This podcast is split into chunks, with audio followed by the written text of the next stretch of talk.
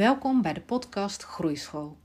Mijn naam is Chantal Mailly, ik ben logopedist en ik vind het ontzettend leuk dat je weer luistert naar mijn podcast, waarin ik waardevolle inzichten deel over het stimuleren van de taalontwikkeling bij kinderen en ik je tips geef over hoe je hun zelfvertrouwen kunt vergroten.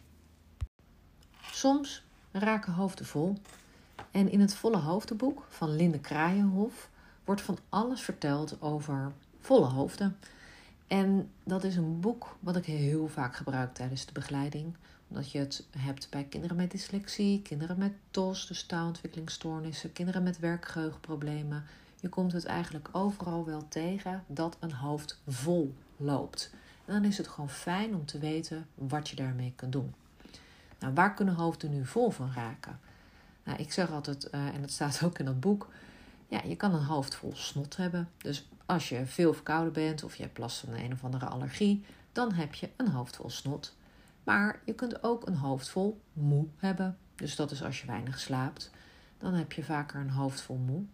Of een hoofd vol zorgen. Dus als je dingen meemaakt waardoor er verdrietige of verwarrende gedachten in je hoofd komen, dan heb je een hoofd vol zorgen. En het kan ook zo zijn dat je hoofd zo in elkaar zit dat het zo gevoelig is voor alles wat je uh, hoort, proeft, ziet, ruikt, voelt. Dan heb je dus een hoofd dat snel vol raakt met prikkels. En ja, hersenen zijn eigenlijk net een soort van computer. En ze versturen berichtjes. En het ontvangen, begrijpen en versturen van die begripje, berichtjes in je hersenen wordt dus informatieverwerking genoemd. En nou, nou een voorbeeld daarvan is dat hè, als je um, een, een, bijvoorbeeld hè, een kachel aanraakt, je raakt een eh, hete verwarming aan, dan gaat er dus heel snel een berichtje van je hand naar je eh, hersenen. Daar wordt het berichtje ontvangen. En dat berichtje komt dus op de juiste plek aan. En dan begrijpt je hersens, hersenen van, oh, auw, dit is warm. Ik moet dus nu snel mijn hand terugtrekken. Ehm, en dan wordt er dus weer een berichtje van de hersenen teruggestuurd naar de spieren in je lijf, zodat je dus hup je hand terugtrekt. En uh, dus het is ontvangen, dus het ontvangen van die pijnprikkel. Nou, in de hersenen wordt het verwerkt, dus dan begrijp je het. En vervolgens versturen, uh, de hersenen um, de berichtje, een berichtje terug naar de spieren, zodat je actie kunt ondernemen. Dat is eigenlijk hoe het simpelweg gaat met informatieverwerking. En nou, hoe werkt dan dat versturen van berichtjes in je hersenen? Je moet het eigenlijk zien als een soort van eh, landkaart. En daar zitten dus allemaal snelwegen in en omwegjes. En snelwegen, nou dan heb je. Ehm, eh, dan gaat eigenlijk de informatieverwerking gaat heel erg snel. Dus ehm, nou ja, dat, uh, als je heel veel snelwegen hebt, dan ben je snel in denken, snel in begrijpen. De informatie wordt heel vlot verstuurd over die snelwegen. Maar het kan ook zijn dat je ergens een omwegje voor hebt. Dan gaat het wat minder vlot. Dus dan duurt het wat langer voordat de berichtjes op de juiste plek zijn aangekomen. En dan is het ook zo dat hè, voor denken en begrijpen dat je daar dus meer tijd voor nodig hebt. En dat betekent niet dat je dom bent, hè? maar je hebt gewoon alleen wat meer tijd nodig om die berichtjes ja, eh, te ontvangen, te begrijpen en uh, daar actie in uh, te ondernemen. Nou, in het volle hoofdenboek staan heel veel leuke oefeningetjes die je samen met je kind of jouw leerling kan doen. Om te bekijken van nou oké, hoe is het nou in jouw hoofd aangelegd? Waarvoor heb jij nou een snelweg en waarvoor heb je een omweg? En alleen al dat in kaart te brengen, dat geeft al kinderen een hele mooie houvast. En dat geeft ze ook weer een positief gevoel. Want ze komen erachter dat ze heus wel snelwegen in hun hoofd hebben. En dat ze misschien niet overal snelweg voor hebben. En dat ze misschien voor taal een omweg hebben. Of voor rekenen een omweg. Of voor spelling een omweg. Of voor lezen een omweg. Maar dat ze ook heel veel snelwegen hebben. En dat geeft dan weer zo'n positief en fijn gevoel voor deze kinderen. Ehm, dat het een hele mooie tool is om in te zetten. En om kinderen dus eigenlijk wegwijs te maken van ja, hoe werkt het nou precies in je hoofd? En uh, ja, dat je af en toe voor iets een omwegje hebt, dat is prima, dat hoort erbij. Daar kun je aan werken, dan kun je gaan trainen, dan kun je gaan oefenen. Maar het is niet het einde van de wereld en het zegt ook niet alles over jou als persoon. want vaak identificeren kinderen zich vooral met hetgeen wat ze niet kunnen. En uh, dat ze daardoor he, gewoon dom zijn. En zien dus ook niet meer waar ze dan eigenlijk wel heel erg goed in zijn. Um, dus ja, deze, het volle hoofdenboek is gewoon een heel mooi, mooie tool om te gebruiken. En om meer inzicht te geven um, in de snelwegen en de omwegjes. En ook van ja, hoe komt het nu dat het gewoon af en toe ja, wat anders loopt in jouw hoofd? Hè? Dat er bijvoorbeeld files kunnen ontstaan op hersenweggetjes als er bijvoorbeeld te veel informatie verwerkt moet worden. dus um, daarom krijgen kinderen ook veel sneller een vol hoofd als ze moeten opletten in een drukke klas. Omdat ze vangen al die geluiden op, ze zien van allerlei bewegingen. En al die berichtjes worden dan over die hersenweggetjes vervoerd. En uh, ja, dan krijg je op een gegeven moment een opstopping, omdat ze dan een hoofd vol prikkels hebben en niet kunnen filteren.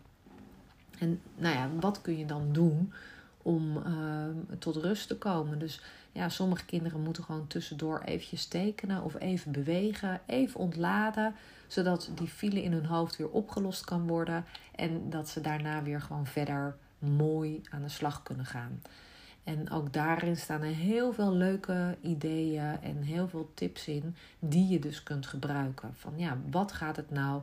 Wanneer gaat het nou mis? Wanneer heb je nou een snel vollopend hoofd? Uh, wanneer heb je nou een hoofd waarin, waarin je moet puzzelen? Hè? Dus dat die informatie eigenlijk pas in stukjes worden aangeleverd. Uh, en dat je dan pas als al die stukjes uh, op de goede plek zijn gekomen, dat je er een geheel van kunt maken. Dat je dan pas het goede plaatje kan zien. Dus dat het gewoon wat langer duurt voor al die informatie op een plek is gekomen. En soms wordt ook informatie op een verkeerde plek afgeleverd.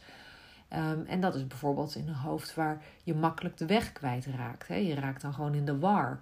Um, nou ja, um, dan heb je bijvoorbeeld een bepaald begrip in je hoofd. Je gaat het hebben over tafels. En als jij dan het concept tafel waar je aan kunt zitten in je hoofd hebt, terwijl je tafels gaat oefenen van 1 keer 1 is 1, eh, ja, dan moet je eventjes omschakelen. En dan duurt het eventjes voordat je um, uh, het door hebt. En dan loopt het dus anders dan je vooraf hebt bedacht. En dat kan dus voor stress en spanning zorgen. En uh, Um, ja, daar staan dus ook allemaal hele mooie voorbeelden in van ja, wat gebeurt er dan in je hoofd als het gewoon anders loopt? Hoe kan je dan daarmee omgaan? En hoe ga je om met een hoofd met bijvoorbeeld zijwegjes? Dus dat zijn die kinderen die super associëren, omdat die gedachten steeds zijwegjes inslaan en daar verdwalen. Dus dan is het heel moeilijk om op de hoofdweg, op die snelweg in het hoofd te blijven. En daardoor duurt ja, denken veel langer en wordt dus opletten wordt veel moeilijker. En uh, nou, het volle hoofdenboek staat vol met leuke tips die je kunt bespreken met kinderen. Um, ja, wat ze, hoe ze daarmee om kunnen gaan met dat hoofd. Want het maakt niet uit wat voor hoofd je hebt. Als je hoofd gewoon snel vol zit, ja, dan kan je daar heel erg gefrustreerd door raken. Kan je daar boos om raken, kan je exploderen. En uh, in, de, in dit boek staat ook heel veel informatie over hoe kinderen dan, dan kunnen aangeven hè, dat ze richting een vol hoofd gaan. En dat ze dat eerder leren signaleren van zichzelf. En wat ze dan kunnen doen om dat op te lossen. Dus er staan tips in voor kinderen, er staan tips in voor ouders of voor leerkrachten die je kunt gebruiken. Dus echt een heel waardevol boek, wat wij dus in de praktijk ook heel vaak gebruiken. Um, een aanrader dus. Ik zou zeggen, bekijk het, leen hem in de bibliotheek of schaf hem aan. Het is eigenlijk onmisbaar.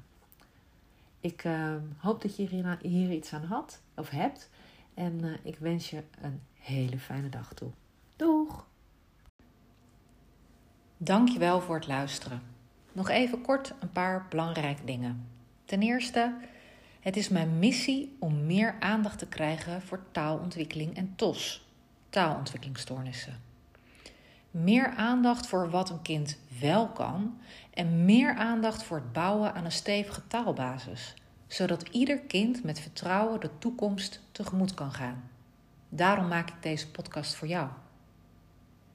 Ten tweede, wil je alle podcastafleveringen overzichtelijk onder elkaar? Abonneer je dan op deze podcast. Klik in je podcast-app op de button abonneren. Elke keer als er een nieuwe podcastaflevering gepubliceerd wordt, ontvang je dan automatisch een berichtje.